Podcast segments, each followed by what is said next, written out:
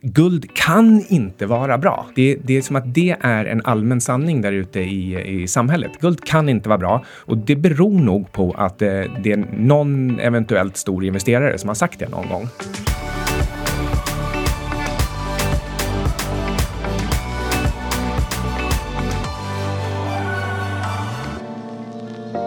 Du lyssnar på Outsiders med Syding och Svan och jag har haft en helt fantastisk morgon.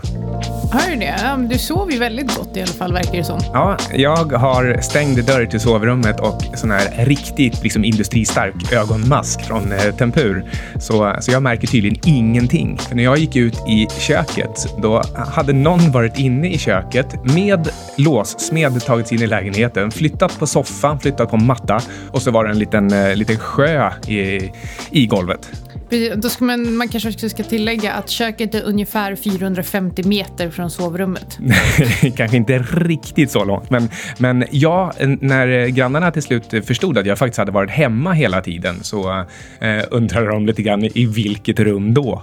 Precis, så Mikael har alltså haft en episk vattenläcka. Ja, det här var inte vad jag hade förväntat mig när jag, när jag vaknade i morse. Men det är inte det vi ska prata om. Vi ska prata om eh, dåliga vattenhedgar. Vi ska prata om att vi ska säga att guld är en dålig hedge. Ja. Och det tycker vi inte egentligen. Nej, men eh, folk säger att guld är en dålig hedge, eller att det i alla fall inte har någonting i en portfölj att göra. Så att vi har kollat upp det. Precis, men det vi egentligen ska snacka om är att lågt korrelerade tillgångar ger hög riskjusterad avkastning över tid. Så guld i sig, om du bara har 100% guld så kommer utfallet troligtvis inte bli så bra. Utan det handlar egentligen om hur sätter man ihop en bra hedgad portfölj med till exempel guld. Ja, och eh, för att gå händelserna lite i förväg så är det så enkelt att om man gör en 50-50-viktad, alltså likaviktad portfölj med guld och till exempel Standard Poor Total Return, eh, som också finns i form av ett instrument som heter SPY, ja, då får man en portfölj med bättre egenskaper än någon av de ingående. Och det som, eh, alltså mekanismerna bakom det här är att lågt korrelerade tillgångar drar ju ner den totala volatiliteten över tid. Och volatilitet äter som ni vet avkastning. Dessutom, precis, man, man får ju också den här optionaliteten automatiskt inbyggd eftersom den gör att när, när man rebalanserar hela tiden, då rebalanserar man ju ner den som har gått ovanligt bra ett tag och upp den som har gått ovanligt dåligt ett tag. Och om de är okorrelerade och går åt olika håll vid olika tillfällen, då betyder det här att man hela tiden kommer sälja saker som tillfälligt är lite dyrare än de brukar vara och så kommer man alltid köpa dem när de är lite billigare än de brukar vara. Men jag funderar på om vi ska gå igenom några i taget. Guld vet ni vad vi tycker om, men vi kanske bara ska köra en recap ändå. Guldpriset drivs fundamentalt av penningpolitiska lättnader och eh, pengatryckande, så det finns inget bättre läge än någonsin att köpa guld nu. Och hur kan det vara så att det är så eh, fantastiskt ordnat att eh, eh, guld går bra när börsen tenderar att gå dåligt? För att det är låg korrelation. Fast det har det faktiskt inte varit nu senaste 12 månaderna. Nej, men, men eh, min, min tanke här, det är att när, när börsen får rejäla problem, då kommer den vita riddaren i form av Ben Bernanke eller Yellen eller Powell eller någon annan från Fed och säger att oj, oj, oj, nu måste vi trycka riktigt mycket pengar. Så det gör man ju när börsen går dåligt. Och när man trycker riktigt mycket pengar, då går guld bra. Precis, och det är ju för att guld är en hedge mot inflation. Det var någon som eh, ifrågasatte, jag la ut en, eh, en tabell på Twitter och så sa jag unpopular fact, gold has outperformed the stock market eller S&P total return the last 20 years. Då var det, jag fick alla, många olika svar. Ett svar var... Det där är cherry picking, eh, de 20 åren har gått bra men om du tittar på de här sju åren som jag har markerat åt dig så kan du se att S&P faktiskt var bättre just de åren. alltså definitionen av cherry picking är fantastisk. jag vet men, inte om det var ett skämt. Men vet. du hade ju i alla fall rätt att det var en unpopular opinion. Ja, det var det faktiskt. Och sen så var det någon som sa... Men om du tittar på 40 um, år eller 30 år, då är guld ner 26 procent. Då hade han kollat inflationsjusterat. Jag bara, men du kan inte kolla på guldpriset inflationsjusterat. Nej, alltså det blir ju märkligt i alla fall om det inte är så att man ska jämföra guldpriset med någonting annat som också är inflationsjusterat. Det kan man ju göra. Men, men i det här fallet så, du försökte ju säga att eh, guldet har gått 15 gånger bättre än, eh, än dollarn.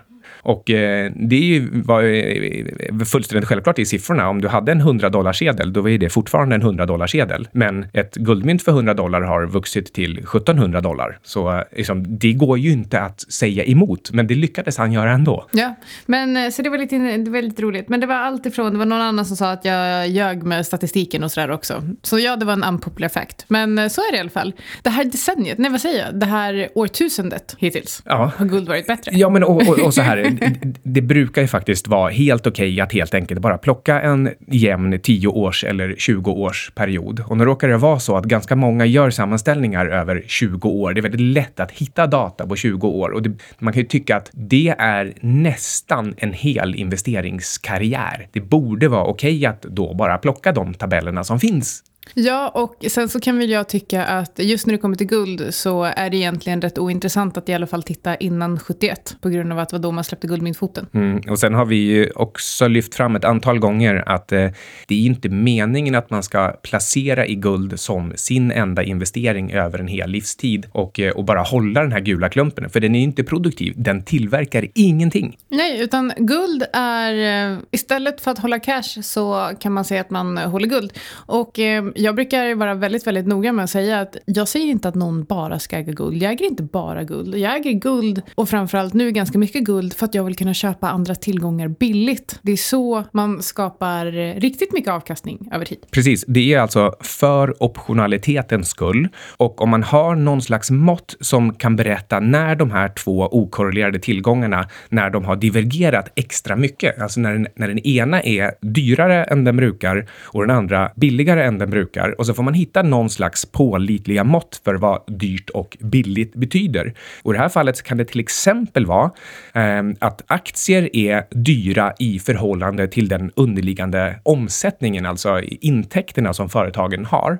Och, och, och det måttet är, det är väldigt tydligt. Det är två till tre gånger högre än vad det har brukat vara historiskt. Och sen på den andra sidan så kan man se om, om guld är billigt, till exempel i eh, relation till mängden pengar mätt som M2. Och ja, det är billigare än vad det brukar. Så att det är både så att aktier är dyrare än de brukar historiskt och guld billigare än det brukar vara historiskt. Och då är det bra att ha mer guld än man brukar och mindre aktier än man brukar. Vi borde spela relationsbingo höll jag på att säga, men med det menade jag att varje gång jag och Micke säger något i stil med guld eller någon annan råvara är billig i relation till något annat så borde ni, jag vet inte, få en medalj eller något. Eller vi kanske borde få medaljer, jag vet inte. Men eh, på, på grund av alla de här sakerna så, så tänkte jag, varför inte bara ta fram hur en enklast möjliga eh, hedgad guld och Standard Poor-portfölj skulle ha utvecklats. Så jag tog fram så mycket data eh, som var enkelt att få fram. Det blev från januari 1993 och framåt, för det var då jag kunde hitta Standard Poor Total Return Index. Och Total Return Index betyder att det är med utdelningar och jag återinvesterade utdelningar. Ja, det var också en, ehm, en sån grej som ehm, jag, jag skrev. Guld har outperformat S&P total return de senaste 20 åren. Och någon säger, men är det där verkligen utdelningar? Då svarar jag, det är vad total return betyder. Okej, men har du återinvesterat utdelningarna då? Det är vad total return betyder. Ja, nej, men Vi så, har avklarat det. Ja, så, så framför allt så kan man väl säga att eh, eh, det där manifest, är en manifestation av sentimentet att eh, guld kan inte vara bra. Det, det är som att det är en allmän sanning där ute i, i samhället. Guld kan inte vara bra och det beror nog på att eh, det är någon eventuellt stor investerare som har sagt det någon gång. Vem kan det vara? Warren Buffett. Jag vet, ja, jag vet inte, någon halv, halvkänd sådär. Uh, nej, men Wa- så Warren Buffett brukar säga att eh, guld har aldrig någonsin gjort någon glad eller något sånt. People like gold when they get a, when they get afraid of money, and then they hope somebody will pay pay more for it next year because it isn't going to produce anything. That cube is just going to sit there and stare at you.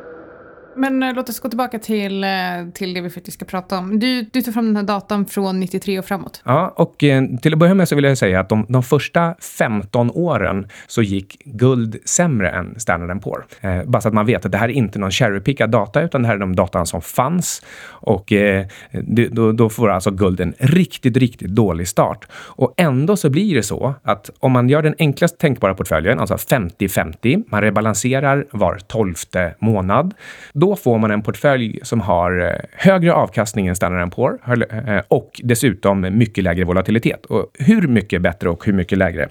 Jo, Standard Poor Total Return under den här perioden är 6,95 procent per år. 6,95 procent. Och den här portföljen, enklast tänkbara 50-50, den avkastar 7,38 procent per år. Det är alltså ändå 0,43 procentenheter bättre per år, vilket är ganska mycket i samma sammanhanget. Eh, men framför allt så blev eh, standardavvikelsen för avkastningen, för månadsavkastningen, mycket lägre. Den blev bara 3,08 procent istället för 4,17 procent. Alltså, så det är en hel, en hel fjärdedel lägre. Det är alltså 25 procent bättre kan man säga volatilitetsmässigt. Så man skulle kunna levra upp den här 25 procent eller 33 procent extra blir det då. Eh, så att man får egentligen 1,3 gånger bättre avkastning. Och det är ovanpå de där extra 45 punkterna man hade. Men om du hade köpt Latour då? Ja, just det. om man hade köpt Latour då. Men eh, då, då, skulle man ju, om, nu, om man nu hade perfect eh, prognos och visste att Latour skulle bli världens bästa aktie, då hade man kunnat göra en portfölj med eh, en tredjedel Latour, en tredjedel guld och en tredjedel aktier. Så hade det säkert blivit helt fantastiskt. Men om man bara hade köpt Latour då? Eh, ja, då hade det blivit bästa avkastning. eh, sen, sen, sen eh, fixade jag också lite med att eh, testa att optimera andelen guld i rebalanseringen. Bara för att liksom se, eh, för jag fick nämligen frågan, ja, men, borde det inte bli bättre, varför 50-50? Borde det inte vara bättre med lite mindre guld? Och ja, det visade sig faktiskt att den optimala portföljen under den här perioden, det var 37 procent guld och 63 procent Standard Poor.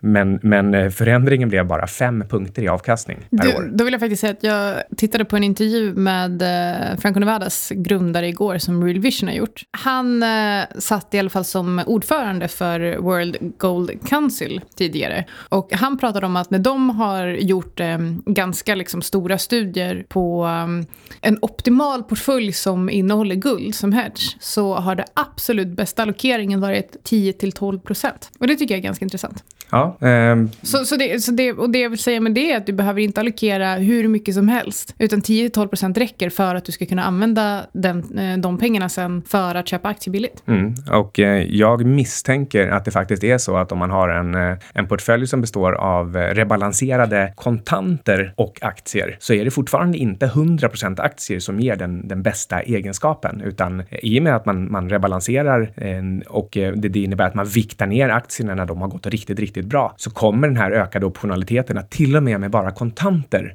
ge ett bra utfall. Och, och särskilt under låginflationsperioder förstås, eftersom kontanterna inte tappar så mycket i värde då. Men om vi går tillbaka till eh, korrelation. Så alltså, alltså lågt korrelerade tillgångar ger högjusterad avkastning över tid. Och eh, det var lite kul för jag pratade med eh, Jakob som, eh, eh som är vd på Winter Capital som vi investerade i. Och eh, då, då skulle vi köra en telco igår och så hörde han av sig och sa att jag ska spela en podd och då sa han om du ska prata om, om, du ska prata om guld så har jag lite data till det här och då sa att jag ska faktiskt prata om guld. N när ska du inte prata om guld? Precis, och eh, vi, vi pratar ganska mycket om just, eh, just korrelation och eh, icke-korrelerande tillgångar. Och där är ju faktiskt eh, kryptovalutor en eh, sån tillgångsklass som inte korrelerar med något annat. Och nu vill inte jag på något sätt kalla bitcoin för safe haven, men eh, i och med att bitcoin, nu är det en extremt volatil tillgång, så man skulle kunna ha ett par procent bitcoin i portföljen och det skulle kunna fungera som en hedge över tid för att leverera hög riskjusterad avkastning. Just med tanke på hur den har rört sig. Alltså den rör ju sig extremt mycket. Den är, liksom blir utsatt för enorma håsperioder och sen snabba krascher ner. Eh, det skulle nog kunna göra att, eh, att just en, en, eh, någon slags rebalanseringsalgoritm och som kanske är baserad mindre på tid och mer på, på rörelser skulle nog kunna verkligen bidra till eh, de här statistiska egenskaperna för en portfölj. Så det tror jag absolut. Men vad, eh, vad tror du om bitcoin just nu? Jag är ju lite orolig att den ska falla samtidigt med marknaden när marknaden faller ner. Jag satt och kollade på den här, ehm, den här ehm, grafen inför halveringen. Ja, den regnbågsgrafen. exakt. Ja, precis. Och um, alltså generellt så här, du kan inte, bitcoin är, och det här kommer folk kanske inte gilla, men bitcoin är precis lika värdelös som guld. Men du, du, kan inte använda det till någonting mer än egentligen eh, kanske store value, fast det är det liksom inte riktigt än. Och eh, inte riktigt medium of exchange för att det går lite för långsamt. Eh, men det är precis samma sak med guld. Så jag menar, jag borde ju älska bitcoin och jag, har ju, jag äger bitcoin. Men det är mer så här, vad kommer egentligen användningsområdet för det i framtiden vara? Och när man tittar på, när man tittar på de olika lägren, nu äger jag både bitcoin och eh, ether, men när man tittar på de olika lägren så är det ofta ofta så att de som är mer liksom inne på tech, de är mer intresserade av ethereum för att där har vi eventuellt framtidens plattform att faktiskt kunna bygga saker på. Och bitcoin bara är en potentiell valuta som vi skulle kunna använda oss av men som vi inte riktigt kan än för att det inte riktigt fungerar och för att det går lite för långsamt. Så um, Å ena sidan så är jag superbullish för att det ser liksom positivt ut och eh, jag tror fortfarande att bitcoin kommer vara det som i början tar liksom mest marknadsandelar och det som flest personer allokerar sitt kapital till för att det är det som har funnits längst och det som flest känner till och det är kanske det man börjar med om man ska ge sig in bland kryptovalutor. Om man nu inte ger sig in på shitcoins. Det finns ju de som tror att de ska hitta nästa bitcoin för alla andra utan att de har någon som helst erfarenhet av eh, kryptovalutor. Men, eh, men hur som helst. Um, jag tycker det är jättesvårt men jag tror uh, ja, alltså jag äger ju mina bitcoin. Så jag menar, eh, och jag skulle kunna tänka mig att köpa lite mer på de här nivåerna. Så det är inte en rekommendation, eh, utan det är spekulation. men, men jag tror absolut att eh, vi definitivt kan få se en ny bullmarknad i, eh, i bitcoin. Men det bygger egentligen inte alls på att eh, det finns något superanvändningsområde för det i dagsläget, som jag ser det. Vad tycker du om det? Ja, intressant eh, utläggning. jag, tror att vi är ganska överens om var det ska sluta någonstans. Eh, för jag, jag, tror själv att hela den här processen med att sprida bitcoin, den kommer fortsätta. Det är trots allt fler och fler personer som eh, kopplar sina företag till det här. Och många fler wallets. Så, så det jag menar är att tills... Det, det är framförallt finansintresserade som hänger kvar vid bitcoin för att man ser de här andra typerna av egenskaper. Men de som är teknikintresserade väljer ofta att eh, gå över, nu sjukt generaliserande, men av den lilla population människor som jag har pratat med så har, har det i det här fallet varit så. Så det är min, eh, det är min upplevelse av uh, verkligheten. Mm, men jag ser fler finanspersoner som drar sig till bitcoin och de gillar inte eter men däremot de som är duktiga på tech drar sig mer till eter för att det skulle kunna vara framtidens plattform. Ja. Eh, så, så länge bitcoin har klart högre market cap än, än eter och så länge det hela tiden är ett absolut tillflöde, alltså det absolut absolut sett blir fler företag och fler personer och fler wallets inom eh, bitcoin så, eh, så, så eh, tror jag att priset liksom graviterar uppåt. Och, och sen så får man liksom som en liten extra bidrag den här, de här återkommande halveringarna av, av belöningarna. Så även om det inte sker någonting kanske konkret exakt nu, för det är ju det här i dagarna som, som den här halveringen kommer. Det är 25 dagar kvar tror jag. Så, så, så jag tror liksom inte att det i sig kommer få eh, priset att explodera uppåt. Men det, det är liksom ännu en liten sån där sak som underliggande knuffar priset uppåt för att det blir färre eh, nya coins som, som skapas hela tiden. Och utifrån sett så är det fler och fler wallets som ska dela på de få coins som finns. Så eh, jag, jag tycker att priset här någonstans kring 6900,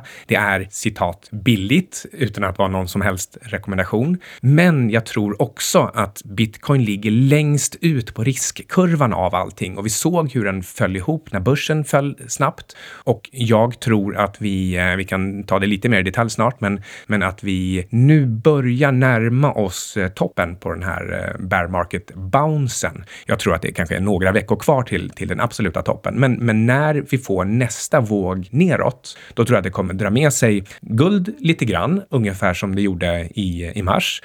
Bitcoin desto mer, precis som det också gjorde. Och sen kommer silver åka på det lite extra mycket för att det är en industrimetall och den åkte på det extra mycket i den förra nedgången. Eh, så jag, jag, tror att den ska liksom ner och faktiskt sätta en ny cykel low, alltså silver, innan det är dags för den också att vända uppåt. Men, men just nu var det bitcoin, så att jag, jag, jag tror att de här 7000, den kan säkert gå ner till 4 000 innan den här cykeln är över. Vi borde bjuda in Erik Wall igen, för jag vill diskutera det här med honom. Men håller du, håller du med mig om, är det inte lite intressant egentligen att just av samma anledningar som bitcoin skulle potentiellt kunna kallas för ett digitalt guld, gör att jag söker mig mer åt eter?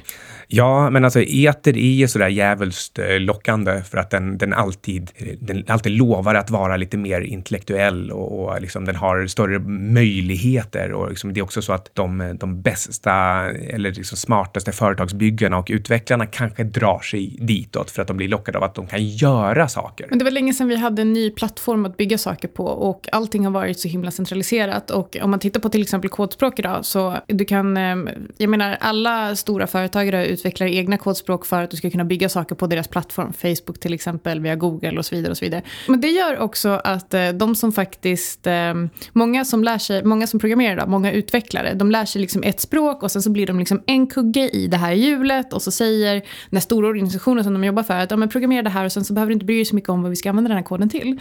Utan lös, lös den här buggen och så vidare och så vidare. Istället för att faktiskt få en helhetsbild över vad det är man bygger. Och det skulle man faktiskt kunna uppnå igen på ethereum. Ja, jag håller med. Samtidigt så ser jag eh, eter mer som någon slags eh, ekvivalens med energi eller olja eller någonting sånt. Och eh, vi har har haft parallella system med, med både dollar och energi. Och, och, det är lite så som jag ser bitcoin mot eter, att bitcoin är dollarn, liksom det är valutan och sen eh, eter, det är energin i systemet och så kommer det vara parallella system, men som är också är, är hopkopplade. Jag gillar att eh, vi, vi drog över det här, vår Golden dålig hedge, till en filosofisk eh, genomgång av eh, framtiden för kryptovalutor. Men, eh, men som sagt, vi kanske borde bjuda in Erik och, och diskutera, diskutera det vidare, för att jag tycker att det är superintressant och någonting som jag tänker en del på. men, men med det sagt så, um, just nu i, i tidigare i min kryptoallokering så har det varit övervikt bitcoin. Det är det faktiskt inte längre. det är cirka 50-50 nu. Ja. Så nu har jag sagt det. Nu har jag erkänt det. Varsågod hörni. Ja, vars, varsågod. Tack för varsågoden. Och eh, eh, ja, för min egen del så får du jättegärna vara, vara redo att eh, köpa mer bitcoin eh, när det faller. Vad tror du om marknaden? Tänker du någonting på marknaden övergripande? alltså, och nu menar jag aktiemarknaden. ja. Jag vet inte om du vet det här, men jag jobbar ju med det här. Uh, ja, det gör jag. Och uh, jag tycker att det är jävligt svårt att hålla sig sane i in en insane market, faktiskt. Uh, för jag kom ju på mig själv med att tänka att det kanske blev en V-recovery trots allt på aktiemarknaden. För Fed trycker ju så mycket pengar. Och sen så får jag liksom sätta mig ner och eh, rannsaka mig själv. För jag tror ju inte det egentligen. Det är ju bara att jag är så himla rädd att ligga felallokerad. Eh, och det gör jag inte. För att, och det är no någonting som har varit väldigt skönt var ju att mina modeller föll eh, mindre, eller typ en tredjedel av S&P och har gått upp lite snabbare. Så att det känns skönt att jag är eh, haven't predict but I can prepare at least. Men, eh, men när det kommer till marknaden så tror jag absolut att eh, vi kommer få in eh, Q1 nu. De kommer nog kanske inte vara riktigt så dåliga som man hade förväntat sig.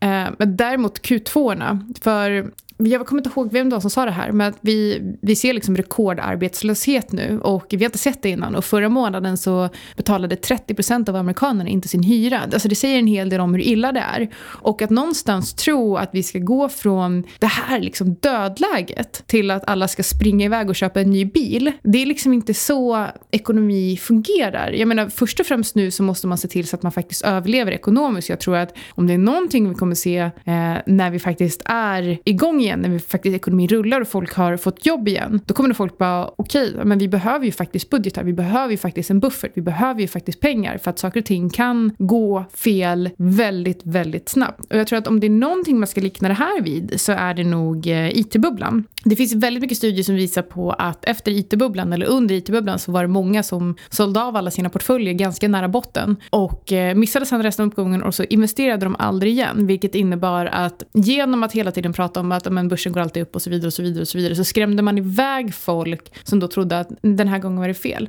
Så jag tror att det här kommer sätta spår i människor. Det blir lite som fourth turning, alltså första generationen har liksom det här i färskt minne så då kommer man ihåg, okej okay, men så här var det, så här gick det, jag kunde inte betala hyran. Så nu måste jag förbereda mig på att jag inte hamnar i den här situationen en gång till. Så att kicka igång ekonomin, det kommer faktiskt kräva mer än att Fed injicerar trillions of dollars i, i marknaden. Och för andra så är det så här, att injicera pengar i marknaden, det kickar inte igång ekonomin. Det skjuter upp multiplar. Så eh, jag är väldigt splittrad. Jag eh, tror att det kommer bli a hell of a ride. Eh, jag tror att vi ska ner. Eh, men eh, jag är också lite så här... Jag tror att eh, stagflation är liksom ett rätt troligt scenario nu, tyvärr. Ja. Goldman Sachs var ute igår eller förrgår och sa att eh, den här nedgången, alltså och nu pratar vi inte marknaden, utan den ekonomiska nedgången är fyra gånger värre än under finanskrisen, alltså den stora finanskrisen 2008. Och, eh, och då är ändå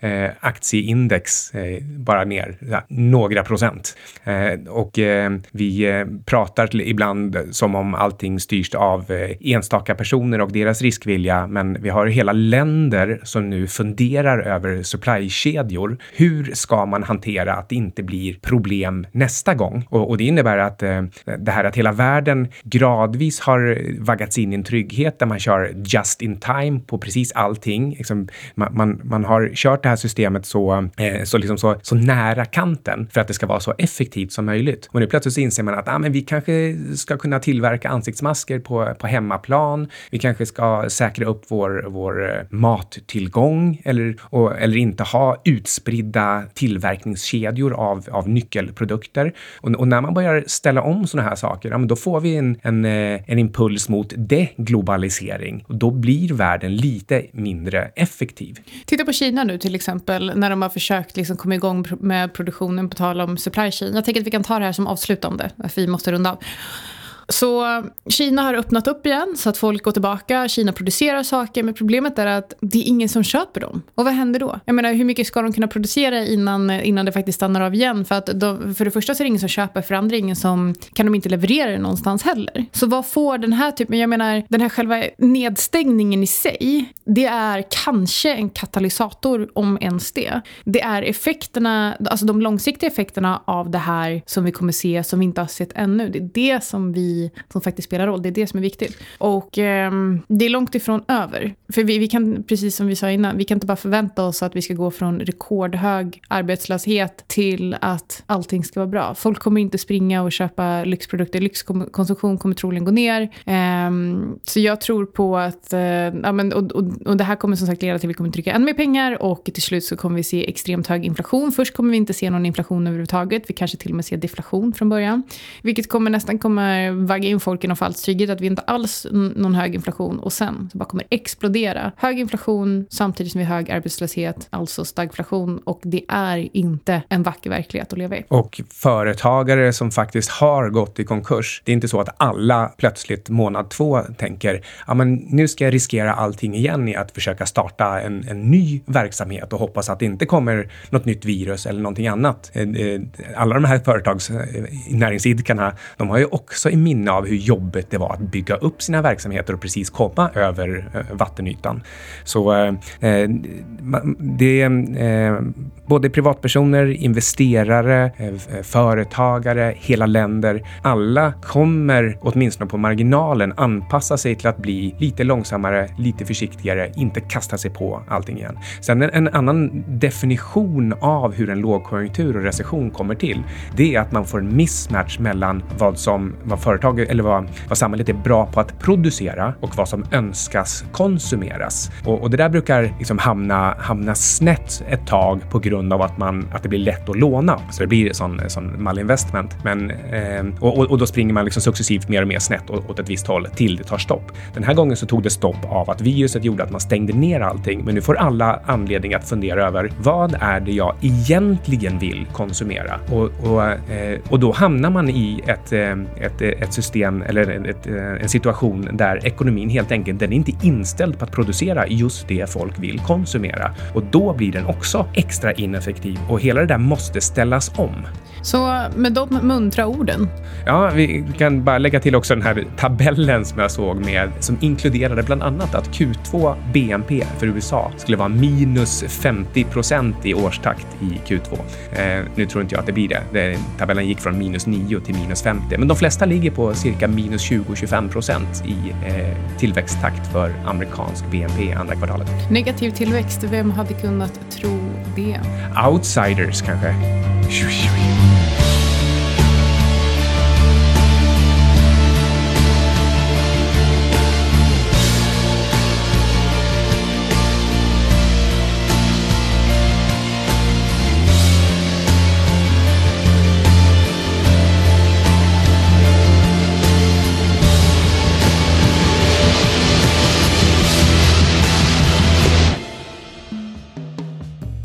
Ingenting som du har hört i uh, Outsiders har varit någon typ av uh, rekommendation. Så hur du än gör, försök inte få det till en rekommendation heller, utan alla placeringar är förknippade med risk som gör att du kan förlora hela eller delar av ditt kapital. Vi äger emellanåt uh, vissa av tillgångarna som vi diskuterar i den här podcasten och våra sponsorer tar inget som helst ansvar för hur du handlar i de tillgångarna. Podcasten är menad för information och underhållning även om vi förstås själva gör så gott vi kan när vi tittar på de olika tillgångarna.